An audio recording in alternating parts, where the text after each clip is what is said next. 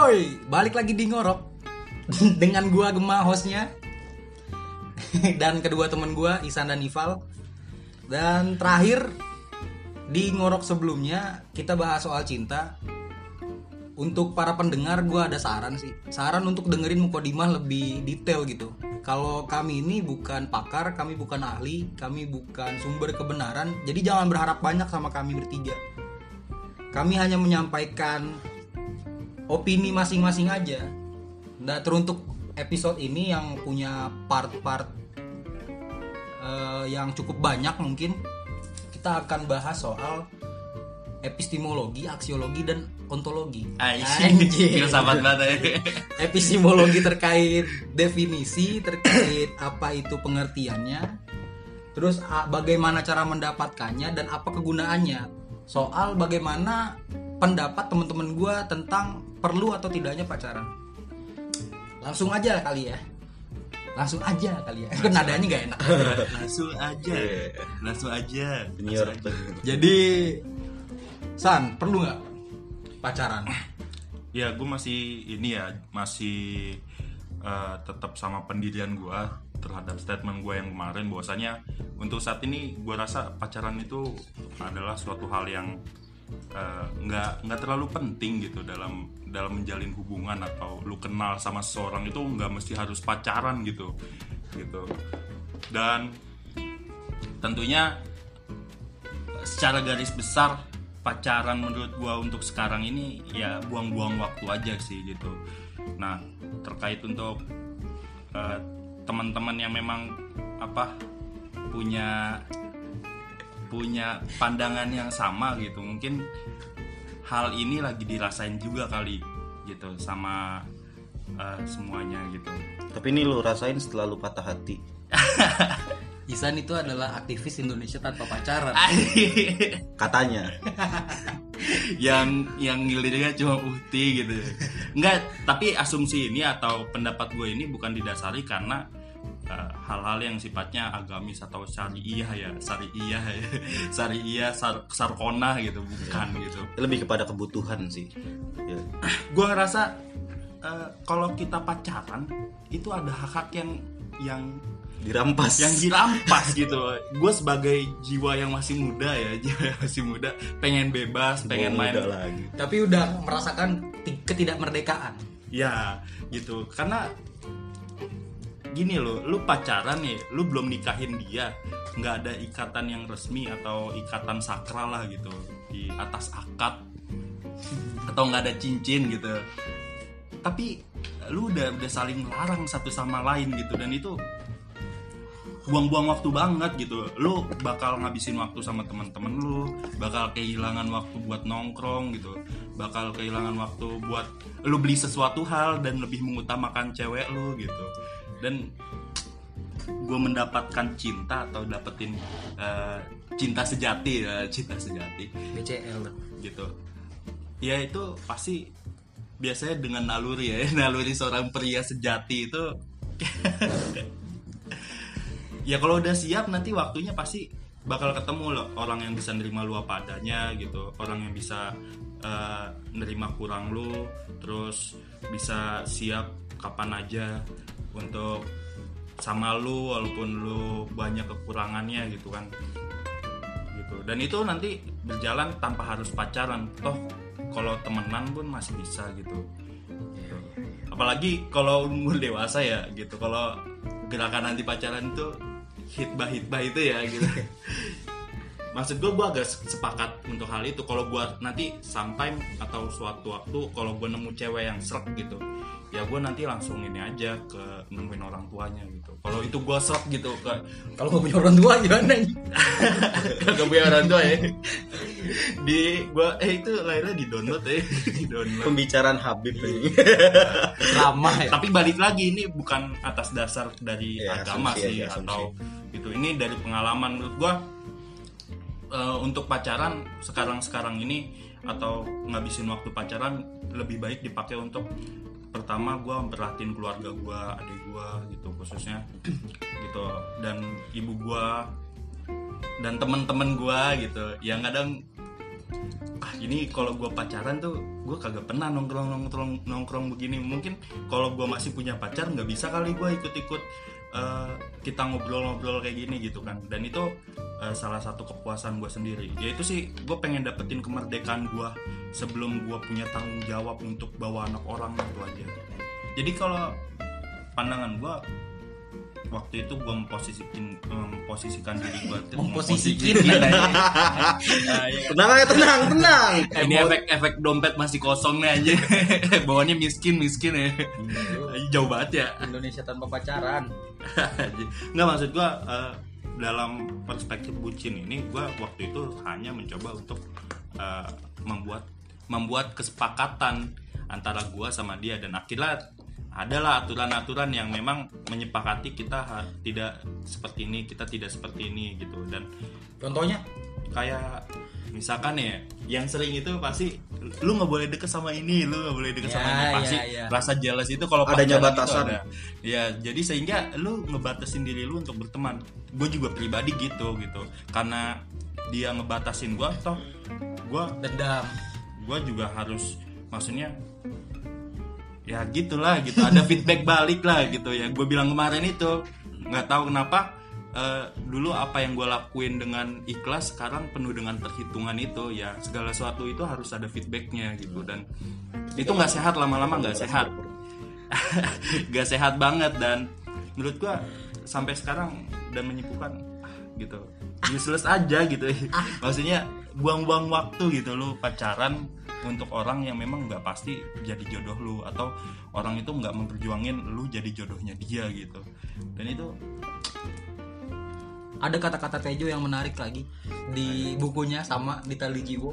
Tali jiwa itu ya. Ya kata Tejo itu cinta itu bukan harga pas tapi nggak mengenal kembalian. Nah itu. Nah itu yang gue bilang gue kayak kok jadi mengharap lebih ke dia mungkin karena memang gue ngerasa posisi dia sekarang sini sama kayak gue sama-sama punya perasaan gitu. Dan gue nuntut lebih atau mungkin itu luka di masa lalu yang gue tuntut secara nggak langsung. Dan gue pengen bilang kalau gue tuh sakit hati gitu gitu dengan perilaku, perilaku yang memang dulunya seperti itu. Jadi kayak ah, dendam juga enggak sih karena nggak ada hasrat buat untuk ngebales. Tapi naluri aja tiba-tiba kok kayak gitu? Gue kayak gitu gue gue juga pribadi kayak loh kok gue kayak gitu? Gitu. Dan kayak kok kayak anak kecil? Gitu gitu. Dan kita di posisi kayak kok nggak bisa saling ngertiin? Dan sampailah ke kesimpulan yang bukan tanpa syariat bukan tanpa syariat karena pasti kalau gue mikir begini orang oh ini dia gerakan nanti pacaran nih gerakan nanti pacaran nih. Yang liatnya cuma ke ukti ukti doang gitu. tapi jujur aja san. Nggak apa-apa. Enggak lah gitu. Tapi gue sekarang lebih concern ke diri gue keluarga gue sama teman-teman gue aja. Udah itu aja. Toh kalaupun kita ngomong orang gue kita nggak bahas cinta dah kalau memang cinta itu masih belum di kita sepakatin definisinya atau artinya gue gue gue bilangnya inilah teman sejati aja gitu. Yang siap nemenin lo sampai nanti gitu. Bahkan siap jadi wadah untuk anak-anak lo gitu. Daripada dibuang di kamar mandi kan. Gitu Emang kata Firsa juga gitu sih, apa namanya? Kita Nah itu Iya, bukan. Firsa. Firsa Besari ya.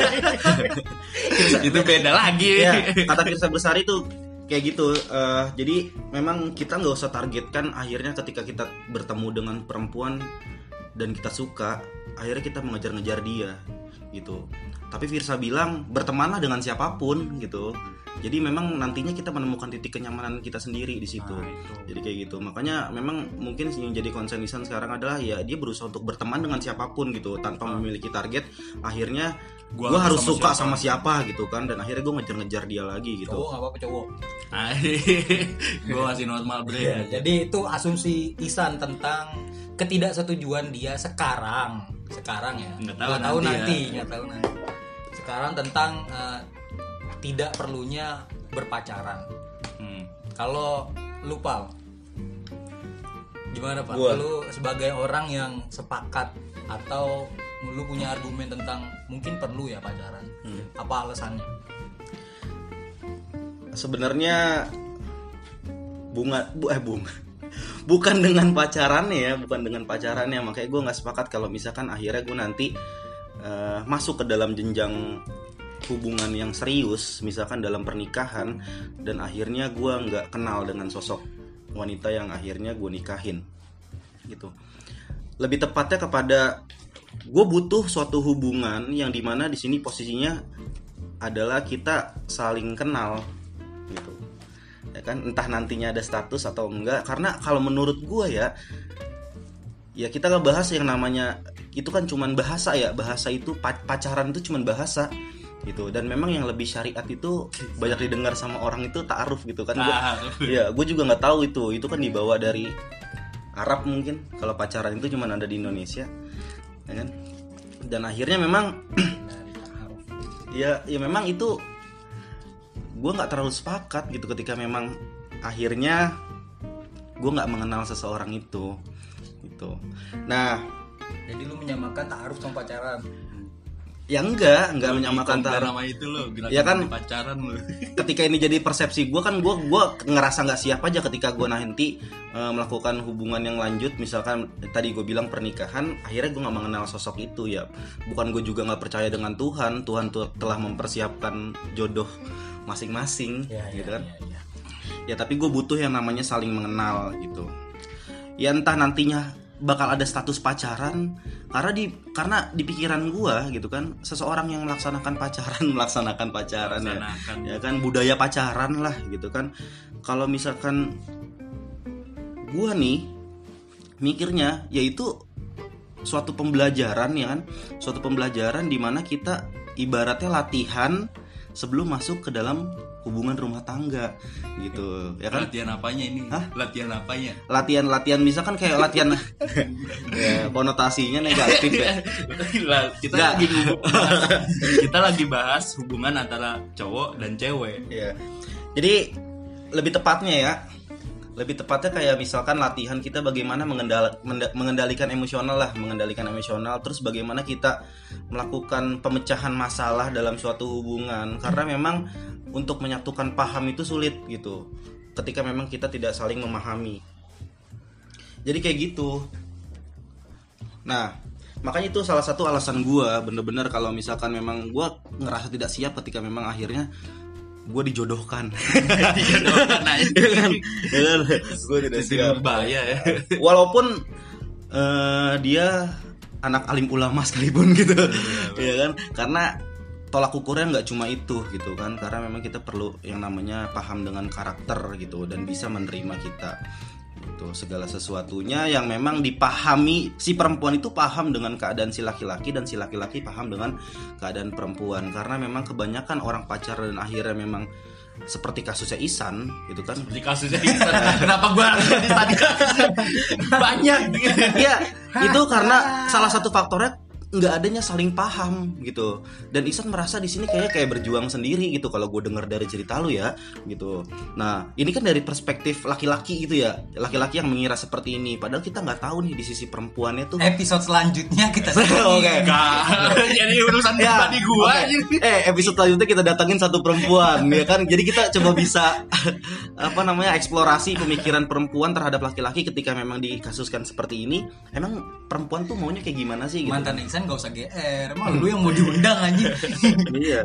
tapi ada yang menarik sih pal dari argumen lu. Kalau lu bilang lu di pacaran bisa melatih emosional lu menurut gua orang pacaran itu nggak bisa melatih emosional. Karena karena tanpa status tadi gitu ketika orang udah akad dan dia udah pasti menikah dia pasti akan lebih dewasa dan dia sadar kalau dia nikah gitu maksudnya itu maksud gua itu Maksudnya dia akan lebih dewasa dalam mengendalikan emosinya, em- emosionalnya. Ketika dia pacaran dan dia sadar dia lagi pacaran, dia nggak peduli sama status dia berikutnya setelah putus atau enggak dan akhirnya akan tetap nggak nggak bisa mengendalikan emosi. jadi contohnya gini pal maksud eh, maksud gimana lu lagi berantem sama cewek lu nih misalkan ya kalau lu pacaran nih terus dua-duanya saling nyalahin tuh saling nyalahin. Dan ketika udah deadlock nggak ketemu titik temu kesepakatan saling ngerti pasti lu mikirnya ah udahlah gitu. Gue udah nyerah lah gitu. Ya. nggak ada tuntutan tanggung jawab untuk lu mempertahankan dia. Ya, lu siapa gitu ya? gitu. Ya udah lu bukan siapa-siapa gue ini toh.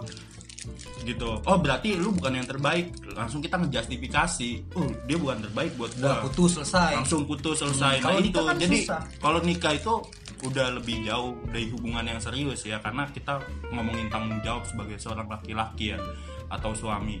Dan itu pasti eh, effortnya atau usaha untuk mempertahankan dia someone itu pasti lebih lebih hebat maksudnya lebih lebih setelah menikah. lebih strong. Iya karena dia adalah istri kita dan kita harus kita udah berjanji sama sama sama orang tuanya karena kita bawa anak orang ya sama orang tuanya. Bahkan berjanji sama Tuhan gitu. Pasti Iya. ketika lu mau nikah ada effort uh gitu. Gue bakal jadi suami gue punya tanggung jawab ini gue punya ini gitu. Beda sama nih sama pacaran.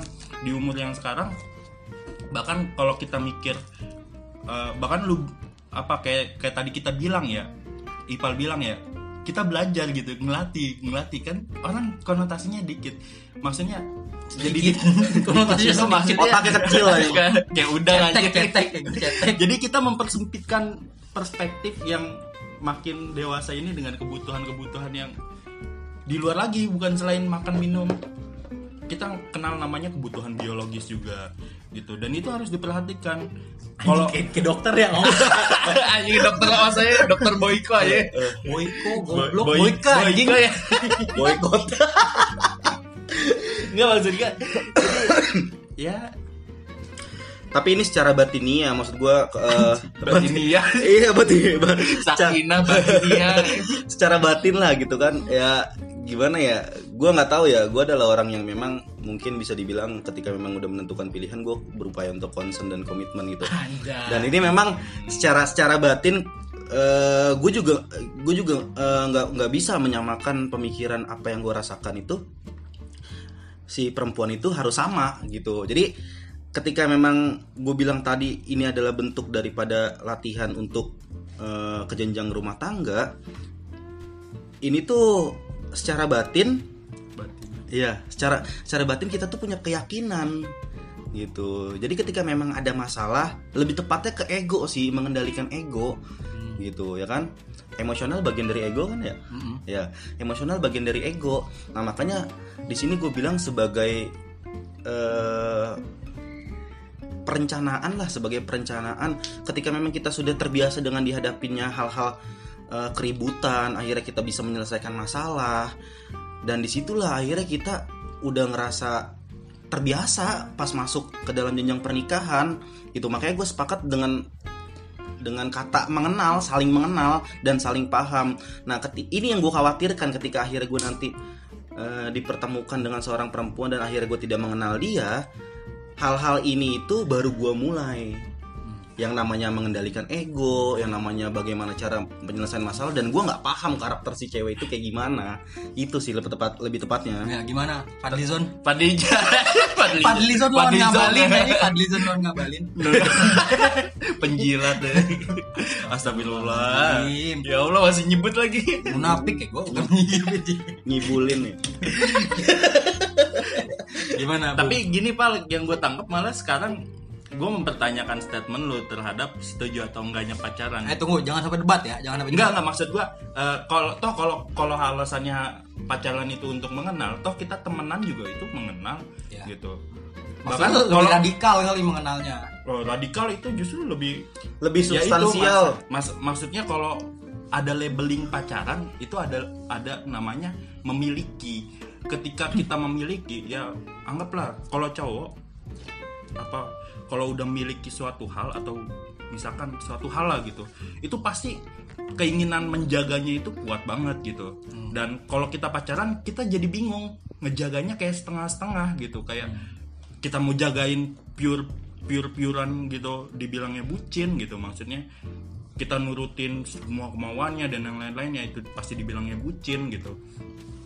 Terus kalau kita mau mau ngejagain banget gitu. Tapi kita eh, dia bukan siapa-siapa. Kita selain pacar kata pacar yang disepakati dua orang bukan sama Tuhan nah ayo bahasnya Tuhan lagi.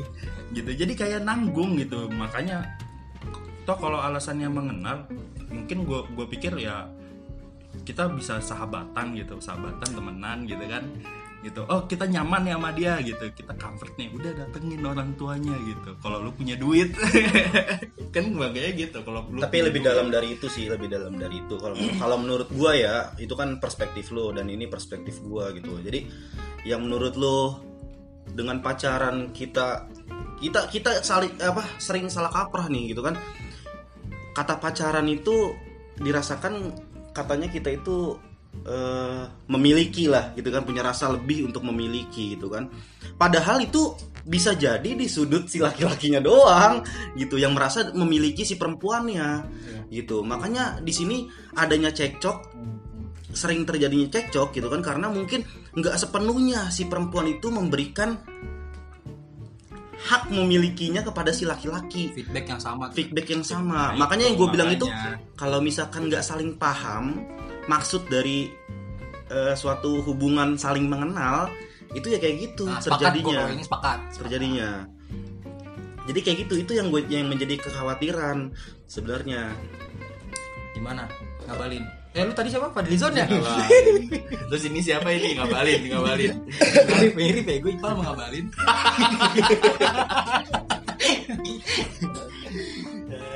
Jadi kayak gitu jadi kayak gitu sih. Makanya akhirnya gue nggak bisa bener-bener nggak bisa gue jadi paksa gitu. Gitu.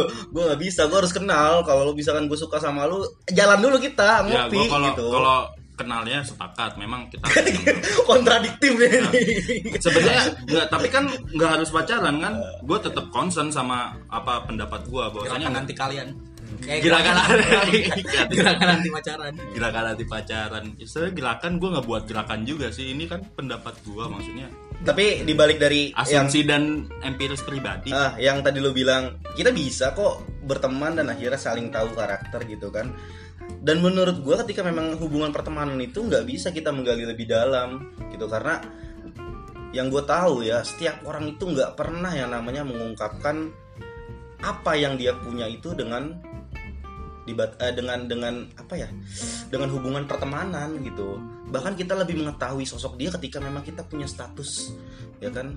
Karena itu tadi bilang. Mungkin ada satu dua yang mau Iya. terbuka. Itu juga yang tadi gue bilang kalau misalkan memang si perempuan itu merasa memiliki dan memang si cowok ini menjadi sumber solusi buat dia gitu kan? Si cewek pasti sering kali bercerita tentang masalah-masalahnya kepada si laki-laki itu karena dia sudah punya keyakinan secara batin lu adalah orang yang cocok buat tempat gue bercerita gitu. Kalau pertemanan nggak bisa gitu. Apalagi kita nggak bisa ngontrol mulut manusia ya setel- setelah kita sampaikan sesuatu misalkan tentang masalah tentang eh, yang lebih intim lah gitu kan itu nggak bakalan bisa gitu. Ya. jadi kayak gitu sih. Jadi lu tetep gue harus mengenal serius pacaran ya nggak nggak harus pacaran nggak nggak harus kan itu yang buat Enggak, kontradiksi enggak, enggak, gitu. enggak harus pacaran gitu. Jadi maksudnya gimana ya? Ada pengungkapan. Nih gue klarifikasi ya. Pacaran itu kan hanya status gitu ya. Sekarang kan banyak orang yang bilang gue nggak pacaran gitu, tapi Saling gue mengenal. komitmen, komitmen gitu. Buat berusaha saling mengenal, tapi saling kasih perhatian gitu, saling kasih eh, apa namanya kasih sayang gitu. Ya itu padahal dia ngomong nggak ada status pacaran, padahal apa bedanya pacaran?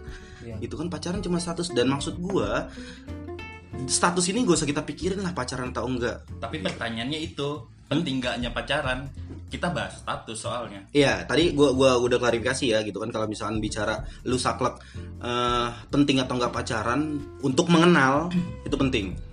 Ya Gitu. sepakat kalau untuk mengenalnya penting karena kita jangan sampai beli kucing dalam karung ya karena kalau kita ngomongin tapi lu pernah beli kucing dalam karung Pernah. pernah eh Beli burung dara dalam plastik resek gitu. Kayak ya kan pas dilihat mati burungnya. gue bayar kucing dan gue pernah bawa kucing di karung soalnya. Iya, bahkan gue pernah dikarungin. Tapi lucu itu lucu gitu. Tapi kalau kalau kalau kita milih pasangan hidup ya itu nggak lucu lah. Hmm. jadi ah, nanti khawatirnya ketika kita satu rumah gitu. Kalau ngomongin kenal kalau gue pikir walaupun konteksnya pacaran itu nggak bakal saling kenal karena beda rumah. Ketika kita bisa saling kenal luar dalam itu ketika udah satu satu rumah. Baik bentuk tubuhnya gitu boroknya di mana tai lalatnya di mana gitu kan. Itu iya udah kan itu kan ting- tingkatan selanjutnya Iya, tuh maksud gua di ya kan? situ Iya, iya, iya. di pernikahan lah lu bisa ngeliat seluk beluk dalamnya ya kan ya kan? Hutannya di mana posisinya? Dan di mana macan-macan itu bersarang? Gawangnya lurus. Apa bengkok. Eh, gawangnya lurus apa? Memang sudah aduh pengen ngomong jorok. Tapi kalaupun gue pribadi ya bukan berarti gue bilang anti pacaran gue nggak mungkin ngungkapin. Gue termasuk orang yang jujur ya kalau gue nggak suka sama orang ya gue bilang nggak suka. Iya. Kalau gue bilang suka suka. Ya gitu nanti toh ke depannya kalaupun gue nemuin sosok yang memang gue apa punya perasaan sama dia gue bilang gitu. Tapi gue nggak mau untuk untuk nge-labeling gue tuh apa labelin dia itu punya gue atau gue punya dia atau dalam arti pacaran lah yang konteksnya memiliki tapi setengah-setengah gitu gue sepakat gue sepakat kalau misalkan eh, persoalan itu ya lu gimana iya lu jangan lu cuma lah lu lah Eh, Karni Ilyas bener aja banget lu. Mata najwa gue. Padahal suwe banget dah. mata lelaki Betul. Ya jadi gue cuma mempertanyakan apa aja. Maksudnya gue hanya meluruskan dan membina. Enggak sebenarnya nggak usah kita pertanyakan dia sepakat dengan pacaran Awal, karena dia karena sudah menjalaninya Iya. Dia tuh nggak mau uh, kena masalah sama ceweknya ini. Nggak, pertama kenapa gue nggak berargumen? Karena gue nggak punya alasan satu alasan pun untuk gue nggak pacaran. Itu pertama. Karena gue Nah. sekarang pacaran. Itu. Nah, Karena ini gue meluruskan Nival ya. Ada ada beberapa argumen Nival yang gue sepakatin, ada beberapa argumen Isan yang gue sepakatin. Dari Ival, pacaran itu menurut Ival hanya jenjang untuk perkenalan ke jenjang berikutnya. Eh maksudnya Iya, ke tahap sesi selanjutnya lah. berikutnya, iya, ke tahapan selanjutnya. Jadi menurut Ival pacaran itu bukan eh, melulu soal status, tapi adalah proses pengenalan lebih dalam Nah, ke, jen- ke jenjang berikutnya. secara substansi ya Iya, secara substansi secara- lebih lebih kepada mengenal lah Iya. Dan menurut dia, gue sepakat dengan hal itu karena eh itu penting gitu. Apa yang penting? Apa yang penting? Nah, tapi kalau menurut Isan, statusnya itu yang nggak penting. Justru kalau menurut gua kalau ngomongin kenal justru lebih fleksibelan kita ke ini sih maksudnya eh, apa tuh temenan karena Ah. itu maksudnya dalam konteks kalau kita temen kalau kita temenan lama ya orang itu udah udah kagak kagak kagak segen lagi. Kayak lu nih lu awal-awal pacaran nih misalkan kenal nih sama cewek terus pacaran nih kan pacaran lu buat ngupil depan dia aja kayak segen gitu pasti. Gitu kecuali udah lama karena memang konteksnya udah masuk ke teman eh, teman lama atau sahabat ya. Gitu maksud gue itu gitu. Nggak perlu makanya pacarilah teman. Iya intinya itu. Jadi gue kadang-kadang kalau ini pribadi gue gue kalau sama ke mama sama Mama? cewek Haji mama. Kalau sama cewek gue dulu gue lebih agak jaga sikap gitu. Lebih agak berwibawa dan coba untuk tenang. Tapi kalau gue lagi sama teman-teman gue gitu ya gue gila-gilaan aja gitu. Kayak udah nggak ada malu aja gitu karena gue ngerasa dia bukan siapa-siapa gue dan gue nggak harus jaga image sama dia. Itu tandanya lu belum menemukan kenyamanan sama cewek lu dulu. Nah, lagian lu juga men- sebenarnya yang menutup kemerdekaan itu lu sendiri gitu. Ya kan? Iya paham sih itu balik lagi ke perspektif gue Jadi jadi ini ya pengadilan ya. lu jadi nyudutin gue gue kesel banget ya. Lu jangan jangan mentang-mentang lu pacaran lu membela statementnya kayak gitu. Lu bayangkan dong ada di posisi gue Nggak, ini bukan bela membela tapi ini lebih kepada emang persepsi aja gitu bagaimana kita uh, memahami dan mengenal pacaran dan tidak pacaran gitu kan. Iya. mungkin kalau menurut gue ya uh, Isan itu ya bicaranya statusnya lah dari apa yang memang dia rasakan. Menurut dia mendapatkan informasi itu cukup dalam pertemanan ya kan? Ya kan? Ketika apalagi kalau misalnya kita mulai tertarik dengan si perempuan itu dirasa apa yang dia rasakan itu si perempuan itu mulai udah mulai cerita. Cuman nggak mendalam kalau menurut gua gitu. Apa yang diceritakan pasti menceritakan tentang si cowok. Mungkin si cowok yang dia suka ya kan kalau pertemanan gitu kan. Lu di posisinya lu suka dengan si cewek itu tapi si cewek itu menceritakan tentang mantannya tentang eh, cowok yang sedang diidam-idamkannya gitu kan. Dan lu akan merasa lebih terluka di, ketika memang lu bukan kriteria dari dia gitu Tapi Nah, kita gitu. nggak Kalau bisa nggak bisa generalisasi juga pal maksudnya mungkin Ipal eh Isan punya cara sendiri gitu Oh, untuk, iya, mungkin. untuk menggali info itu. Ya makanya gue gue tadi agak- agak-agak bingung ya ketika lu men apa mendiktekan pertemanan itu sesempit itu ya. Kalau maksud gue ya temenan nggak cuman begitu-gitu doang kalau menurut gue ya karena beberapa pengalaman gue temenan ya gue jalan-jalan gitu terus bisa, biasa bisa aja cipokan biasa. itu ay, masya Allah istighfar pal istighfar gitu Astagfirullahaladzim. Allah marah Allah melihat ya gitu bisa, jawabnya bisa bisa. Jawabnya bisa nih. Gue pernah di gang gitu. Pas kecil gitu. Pas nggak tahu ciuman itu apa gitu. tapi nyentuh lah kagak kagak maksud gua eh sebenarnya gue tekenin lagi ya gue di sini nggak anti sih nggak anti sama pacaran cuman kalau ditanya perlu apa enggak untuk sekarang ini gue gue pikir nggak perlu lah dengan dengan eh, apa empiris gue mengatakan gue tuh harus lebih fokus ke hal lain mungkin untuk sekarang ini bukan ke perempuan doang gitu ada ibu gua ada adik gua yang memang Jadi benar- fokus. ya jadi fokus eh, Utama lah. utama lah di hidup gua sekarang dan teman-teman gua untuk melepas stres ataupun eh, untuk melepas penat atau ngisi waktu waktu luang gitu itu Berbagi penting. kegilaan ya. berbagi kegilaan ketololan ketololan yang tidak terhingga gitu kan atau tidak terduga itu penting gitu di luar sebenarnya gue Ada ini lagi. ini tuh gue ngewakilin Paradoks suara nih. suara para jomblo gitu maksudnya gue sekarang di sini di pojok gitu. Gue juga jomblo. eh gitu gitu. Tapi ada kata-kata Tejo lagi menarik soal jomblo. Gimana, Tejo gimana? itu sam- sampai pad- pada titik di mana Tejo iri terhadap jomblo karena kekuatan jomblo menahan kesendirian. Nah, iya. jadi jadi gue respect lah sama para jomblo gitu karena punya cara dan dunia membuat dunia sendiri gitu di, Iya, luar. lu nggak tahu aja. Bener gak? makanya gue bilang gini makanya gue gue bilang gini Bre. makanya bre gue bilang gini gue gue gue bukan bilang anti pacaran ya kok sometimes suatu saat mungkin gue perlu teman dan perlu pacar gitu. Iya, gitu. dan itu nggak menutup nggak menutup kemungkinan ya kalau itu pun terjadi Dia bicara saat ini, keadaan dia saat ini. ya karena lagi ini yang gue alamin itu gitu. Kalau kan memang waktu itu di apa podcast per, eh, kedu- yang sebelumnya itu kan pertanyaannya penting gak sih pacaran? Kalau gue jawabnya untuk saat ini no gitu maksud gue gue nggak mau mendiskreditkan eh, asumsi seorang ya. Maksudnya eh, kalaupun orang mikir oh gue perlu nih pacaran nih ya mungkin punya alasannya sendiri. Dan ketika gue bilang sekarang gue lagi nggak perlu pacaran ya gue punya alasan gue sendiri untuk untuk bilang kayak gitu. Tapi tujuan kita bikin podcast cinta ini sebenarnya kita mau bahas tentang feminisme, tentang eh, kesetaraan gender. Nah, jadi berangkat dari pacaran ini karena ketimpangan sosial berdasarkan gender itu ber- banyak eh, kasusnya berangkat dari hubungan pacaran ini. Iya. Bahkan di pernikahan pun banyak eh, ada yang namanya KDRT dan segala macam dan pada akhirnya muncullah gerakan itu. Iya, yang seakan-akan memang eh, feminis ini ingin disetarakan posisinya Iya. gitu kan. Tapi dari pacaran ini terkadang si laki-laki itu merasa didiskriminasi gitu dengan hubungannya gitu. Ya memang nyatanya nggak setara gitu.